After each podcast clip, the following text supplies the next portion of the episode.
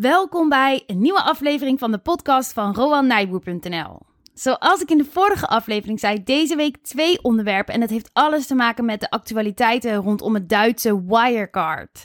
Daar speelt namelijk een vermoedelijke fraude en het is een van de grootste bedrijven van Duitsland en tevens een grote concurrent van de Nederlandse Adyen, betaaldienstverlener.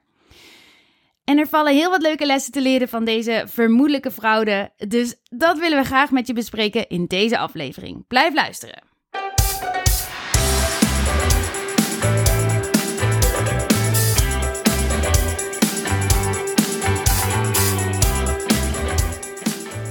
Wirecard. Wat, uh, wat stuurde een van de members nou dat ze het op RTL Z hadden ze het uh, House of Wirecard genoemd? House of Wirecard, ja, ja, ja, ja supergoeie. Ja, de grootste fraude, een bedrijf wat uh, eh, 25 miljard waard was, nog een, nog een één of twee jaar geleden, is nu gedecimeerd. Ik zit even live mee te kijken. Vandaag nog maar 3 miljard waard.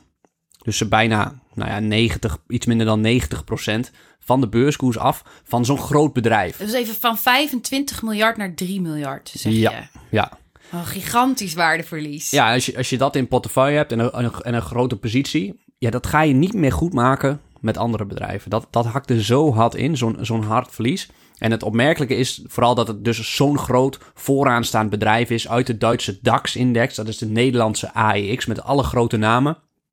Ja, dat, dat zo'n beurskoers dan gisteren uh, 66% omlaag ging en vandaag dus weer 38% eraf. Ja, dat, dat is bizar. Au, au, au. Ja, ja, ja, ja, ja. Dit is echt... Uh, in en... de beleggerswereld is dat echt... Uh... Oké, dit is dus ontstaan door berichtgeving over fraude. Maar je moet ons hier even bijpraten. Want ik weet er sowieso niet heel veel van. Maar ik begreep ergens dat er al wel langer geruchten waren over vermeende fraude. En um, ik wil nog even zeggen: dit verwacht je toch niet uit het nette Duitsland? Um, ja, nou, ik, weet, ik hoop dat we geen uh, Duitse luisteraars hebben. Nou ja, die Nederlands spreken dan. Maar uh, nee, ik vind uh, Duitsland qua corporate cultuur vind ik juist, juist fraudegevoelig. Oh. Ja, want Duitsland is een heel hiërarchisch land. Ik weet niet, als je in, bij een Duitse bedrijf werkt, dan hoef je volgens mij niet tegen je baas disrespectvol te doen. ja, moet je maar eens gewoon proberen. En, dan, en wat er dan gebeurt. pakken, kleding zijn ook veel uh, gangbaarder. Het is heel hiërarchisch. En een hiërarchische bedrijfscultuur is veel vatbaarder voor fraude. Ja, dus met andere woorden, wat de baas zegt is de waarheid. Ja. Het valt minder. Hier in Nederland heb je meer, meer bazen waar je je mening terug kan geven. Ja. Ja. Dat is, wordt daar waarschijnlijk niet gewaardeerd. Klopt. Tegenspraak is hier, eh, is hier relatief prima. Dus zou je ook kunnen zeggen, wat zo'n baas besluit en hoe zij handelen, wordt minder in twijfel getrokken. Ja, ja, dus wat blind gevaren op het, op het topmanagement wat dat betreft. Oké. Kun je uitleggen over de situatie voor degene die dit, net als ik, eigenlijk niet heel erg heeft meegekregen wat hier aan vooraf is gegaan? Kan je even het beeld schetsen? Ja, nou, ik, ik, volg, ik volg het bedrijf niet, maar wat, sinds, sinds twee jaar zijn er eigenlijk geruchten in de media die openbaar zijn, wat ik ook zelf heb meegekregen. Dat, dat er een soort van fraude is en er zijn dan een aantal aanwijzingen voor. Ehm, en dat, dat lees ik, ik lees dan alleen de headlines, dus dat heb ik nooit echt gevolgd. Maar wat bij mij wel altijd een beetje de reden is waar rook is, is vaak vuur. Dus dat je moet oppassen met als er aantijgingen zijn voor fraude, dat het ook nog wel eens echt kan zijn. Maar dan moet je nagaan dat het in 2018 al een soort van fraude bekend is en dat dat dan nu pas uitkomt. Ja, want is er dan een gebeurtenis waardoor die beurskoers nu in één keer zo heftig reageert? Ja, de beurskoers is nu, of het, het, gerucht, het gerucht is nu, of dat heeft het bedrijf ook zelf aangekondigd, dat de 1,9 miljard euro spoorloos is. Dat zijn ze kwijtgeraakt. Uh, Mijn spaarvarkentje heb ik ergens laten liggen en uh, nu is er 1,9 miljard weg. ja, ja, ja, en het mooie is, het bedrijf wordt dus al niet alleen sinds 2018, maar sinds 2008, daar komen we hopelijk zo nog even op, beschuldigd van fraude. 2008 al? Ja, ja, ja want er is, ik, ik volg een blogger uh, die, die daar heel mooi over geschreven heeft ook. Maar het bedrijf beschuldigt nu een ander bedrijf van fraude. Dus Wirecard beschuldigt nu een ander bedrijf van fraude. Terwijl, terwijl de, hun beurskoers toch echt uitwijst dat er echt wel bij hun wat aan de hand is. Want ze zeggen die 1,9 miljard hebben we in bewaring gegeven aan twee Aziatische banken. En die zijn het kwijtgeraakt. Oké, oké, dus het ligt niet bij hun. Ligt... Handjes omhoog en uh, nee. kan er niks aan doen. Nee, maar het is nu al wel voor de derde keer dat de publicatie van de jaarcijfers over 2019, dat de accountant moet het al goedkeuren, zijn uitgesteld. Met andere woorden, accountant keurt het nog niet goed. Accountant vertrouwt het niet. Nee. Ik, ik, weet ook niet of ik zomaar zou tekenen voor een bedrijf waar 1,9 miljard verdwenen is als accountant. Dan daar mijn naam dan onder zetten. Ja, ja. En uh, kijk, het bedrijf doet natuurlijk alles aan om uh, niet, niet beschuldigd te worden de afgelopen tijd. En ze hebben ook een ander accountantskantoor ingehuurd, KPMG, om een verklaring te zetten, om onderzoek te doen in hun boeken van dat het goed is. Mm -hmm. Nou ja, dat, dat hebben ze een soort van gegeven. Maar dat is dan het oppervlakkige persbericht. Maar als je dan dieper kijkt, dan blijkt dat Wirecard, KPMG, tot een heel gedeelte van hun bedrijf geen toegang gaf tot onderzoek. Oké, dus het klonk heel open, maar dat was het niet. Ja, dus KPMG zegt eigenlijk van, ja, voor, voor dit deel wat we hebben gecheckt, dat klopt wel. Maar, maar de rest klopt allemaal niet, dus... Uh, oh ja, ja, lekker selectief. Ja, maar ja. advocaat van de duivel zou het dus ook kunnen zijn dat ze echt eerlijk zijn. Hoewel dat lastiger te geloven is als de geruchten al zo lang teruggaan. Maar het zou dus kunnen dat, er, dat inderdaad zij onschuldig zijn. En dan word je dus zo afgestraft. Uh, ja, maar als het onschuldig is, dan gaat de beurskoers dus ook wel gelijk weer terug. Maar ja, het is sowieso erg amateuristisch dat je even 1,9 miljard kwijt bent en dan tot drie keer je jaarverslag uh, niet is goedgekeurd. Ja, dat, dat is bizar. En dat er al dus een spoor van beschuldigingen zijn door heel veel uh, shorters. Dat zijn beleggers die speculeren op een koersdaling. En die hebben niet altijd gelijk, maar gemiddeld zijn dat hele slimme beleggers. Ja, en die, die, die zoeken dat echt uit. En uh, ja, dat, blog, dat blog wat ik las, dat is een blogger, valueandopportunity.com. Dat is, die, die volg ik, die heeft altijd hele interessante... Uh, die had al in 2008 gepost dat Wirecard uh, een aantal indicaties gaf waarop, ze, waarop hij dacht: dit, dit is een fraudetent. Wat dan? Weet je, heb je dit nog scherp? Uh, ja, volgens mij eentje was dat de CEO van Wirecard toen uh, en de voorzitter van de Raad van Commissarissen betrokken was bij een eerder uh, bankroetverhaal. Oké. Okay. Um, en ook dat er altijd emissies werden gedaan. Er werd altijd geld opgehaald door het bedrijf. Terwijl het bedrijf altijd zei: onze cashpositie is heel hoog en onze winsten zijn heel hoog. Dus dan heb je geen emissie nodig. Dan hoef je geen geld op te halen. Ja, ja, maar dat geld was er dus misschien niet. En wat er ook veel voorkwam was uh, heel veel overnames. Altijd aan het einde van het jaar. Want dan kan je met die overnames kan je vaak de cijfers nog een beetje sturen, zeg maar. Oké. Okay. En heel, heel ontransparante boekhouding. Dat er gewoon heel veel kerncijfers niet uitgelegd kunnen worden. Oké. Okay. Dus uh, allemaal indicaties. En wat heel grappig is, hij had dat gepost op een forum en hij is, hij is aangeklaagd. Hij is door de politie uh, eigenlijk uh, opgepakt door, omdat Wirecard heeft dan waarschijnlijk aangeklaagd. En um, ja, dat is eigenlijk al een indicatie voor oh. een soort van fraude. Als een bedrijf op de persoon gaat spelen en uh, gaat aanklagen. Als je gaat proberen hem de mond te snoeren. Want ik denk dan, ja, als je dit soort informatie terugkrijgt van beleggers, vind ik dat als bedrijf je dat als een indicatie moet zien van, hé, hey, ik ben niet transparant naar mijn beleggers toe, naar mijn aandeelhouders. Ik moet beter zijn in mijn informatievoorziening. En ik moet zorgen dat mensen kunnen zien van, dit soort beschuldigingen zijn niet waar. En dat ze dat oordeel uit zichzelf gaan vormen. Ja. In plaats van dan één man de mond gaan snoeren. Exact. Een goed, uh, goed management nodigt hem uit voor een kop koffie. En uh, waarin het management misschien bepaalde antwoorden kan geven. En misschien bepaalde verbeteringen in, uh, in de rapportage naar aandeelhouders kan doorvoeren. Maar deze gaan dus in de aanval. En als een ja. bedrijf in de aanval ging, dat, dat ging Enron ook. Die zei ook de analisten en beleggers. Dat Eigenlijk allemaal... hebben ze dus gewoon een extra indicatie gegeven nu. Door ja, ja, ja, ja, dat is een gratis indicatie. Ja, ja, ja. Als ze echt op de persoon gaan spelen, dan ja, dan hebben ze vaak ook geen argumenten bijvoorbeeld. Ja. En dan, uh, maar het bizarre is dat er dus al sinds 2008 best wel veel aantijgingen zijn, maar dat dat gewoon nu pas uitkomt. Ja. En uh, ja, veel, ik krijg wel vra veel vragen van beleggers of, of je ook short kan gaan en short moet gaan. Nou, voor mij is dit weer een illustratie dat short gaan veel te link is. Want stel dat je ontdekt dat een bedrijf wel heel agressief is en mogelijk aan het frauderen is, kan dat nog tien jaar duren voordat dat uitkomt. Ja, 2008 zei je. Dus in principe zou je dan misschien wel twaalf jaar lang je geld zitten te verspillen aan short gaan. Ja, en dan voordat heb je een keer succesvol bent. Ja, en dan heb je heel veel geld verloren, ondanks dat je gelijk hebt. Ja, precies. Omdat je het niet kan timen. Ja, ja. Ja, en, uh, en om. Kijk, het aantal shorters in Wirecard de afgelopen maanden was heel erg hoog. Dat heel veel uh, uh, aandelen short zijn. Ja, het aantal shorters in Wirecard was de afgelopen maanden heel erg hoog. Een heel hoog percentage. Omdat er dus uh, ja, die vermoeden fraude. En die probeerden dat dan aan het licht te brengen.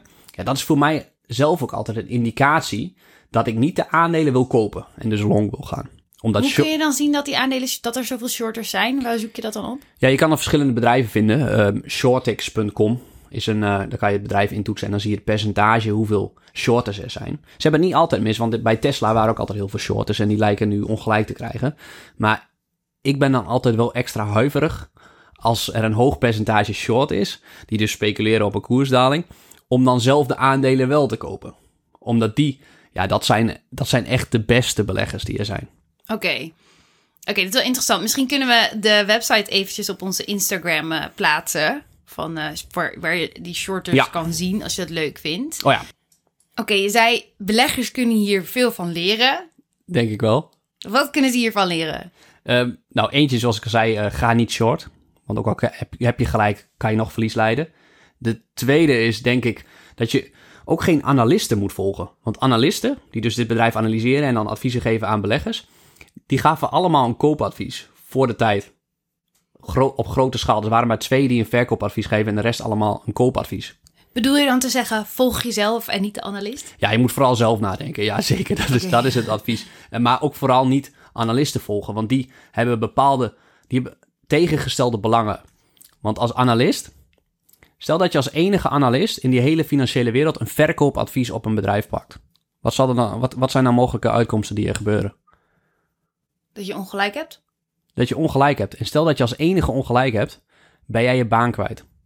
Ja, oké. sta je voor joker. Dus het is heel erg ongunstig om tegen de, de massa in te gaan daar. Je wil, niet, eh, je wil daar niet tegen de massa in. Je wil niet je eigen mening doordrijven. Dus plakken er gewoon allemaal een koopadvies op. Ja, En eh, ja, dat is gewoon heel erg eh, gevaarlijk. oké. En nog meer tips? Waar rook is, is vuur. Is vaak, is vaak toch wel op de beurs. En in die zin, eh, wees daar erg voorzichtig mee. Ja, behalve dan, net zei je al, Tesla mm, zat, was ook rook. Ja, ja. Maar lijkt nog niet echt vuur te zijn. Ja, met Tesla is het verschil, daar waren de beschuldigingen niet per se keiharde fraude. Meer dat het bedrijfsmodel matig is. Ja, en daar kan je dan zelf als belegger een mening over vormen dat je de Tesla-auto's wel geweldig vindt en daarom eh, daar eh, niet mee eens bent. Ja, dat je wel in het idee en het concept gelooft en dat je wel in het businessmodel gelooft. Ja. Oké, nog meer tips? Nee, ja, ja, hoe belangrijk management kan zijn.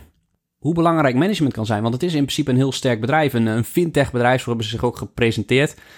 Ja, en dan management maakt toch het verschil, maakt toch het bedrijf kapot. Ja, omdat zij met hun menselijke keuzes verkeerde keuzes maken. Ja, ja, en er zijn beleggers die niet naar het management kijken. Ik, eh, ik, ik doe dat wel. Ik vind dat belangrijk, omdat management dus echt... Ook al heb je zo'n sterk bedrijf met een competitief voordeel... met een ijzersterk verdienmodel... kan het management het toch kapot maken. Ja, ik vind het wel altijd leuk om hier even mee te plagen. Want je zegt ook wel eens, dat is volgens mij is het een quote van Warren Buffett, dat zelfs een, eh, een idioot een heel mega sterk bedrijf aan kan sturen en dan zal het nog niet kapot gaan. Ja, dat klopt. Dat is, je moet dus net niet een te grote idioot zijn. Nee, het moet voor- vooral geen crimineel zijn, denk ik. Oké. Ja. ja, ik weet niet of het een crimineel is hoor... maar ik denk dat hij zich wel, eh, eh, die CEO... in een benarde positie heeft gewerkt. Ja, oké. Ja. Er hadden betere aanpakken kunnen zijn. Ja, ja ik, vind, ik vind dat je gewoon niet moet aanvallen op de persoon, maar het gewoon moet uitleggen. En als er een keer wat. Er zijn wel bedrijven waar. Kijk, bij elk bedrijf gebeurt wel eens een vorm van fraude. En bij dit bedrijf is het waarschijnlijk, vermoed ik, heel klein begonnen met een klein beetje fraude. En dan het groeit je boven de pet. En dan wordt de fraude maar groter en groter. zo- Zoals ook bij Enron en andere bekende voorbeelden gegaan. Ook bij Madoff. Ehm, maar bij andere bedrijven komen soms als er 100.000 een keer verdwenen is... doordat de een of andere controller ergens wat heeft weggesluist... Ja, die brengen dat dan al naar buiten.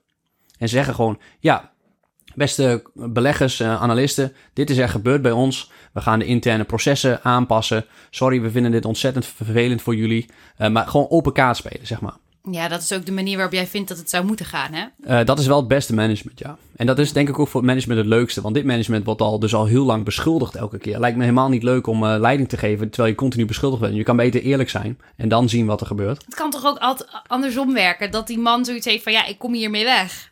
Ehm, Dat hij zich ja. daar extra machtig door voelt. Ja, ja en vaak beginnen met een klein leugentje en daar kom je mee weg. En dan denk je dat je dat... eh, Ja, we krijgen ook net een update binnen dat de CEO en tevens oprichter Marcus Brown eh, zojuist ontslag heeft genomen.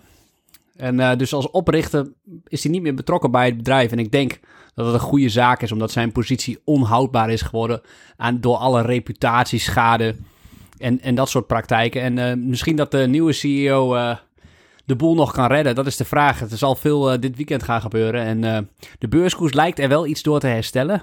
Als blijk van vertrouwen. Want de vorige CEO is gewoon niet meer te vertrouwen volgens de beleggerscommunity.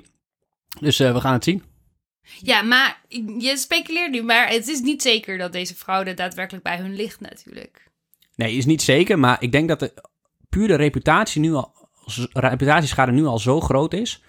En ik, ik weet het niet, maar die blogger zegt eigenlijk dat het aandeel nu uh, eh, 0 euro waard is. Hmm. Ja, als ik een groot bedrijf was, waar, waar ik gok dat dat wel uh, de, het publiek van Wirecard is, zou ik niet zo graag meer mijn naam verbinden aan ja. deze partij. Ja. Denk, denk, aan alle klanten die de betalingen doen, dat bedoel jij denk ik. Uh, ja. Misschien een mooie kans voor Adyen dat die over gaan stappen van Adyen. Dat zeiden die CEO's trouwens ook van Adyen een keer in een interview. Als we klanten krijgen, nieuwe, dan komen ze vaak van Wirecard. Nou, uh, moet je dan nu in Adyen investeren? Geen idee. Geen idee. Daar kunnen we nog weer een uur over praten. Ja, on that note uh, laten we jullie hier uh, weer alleen. Ja, ja.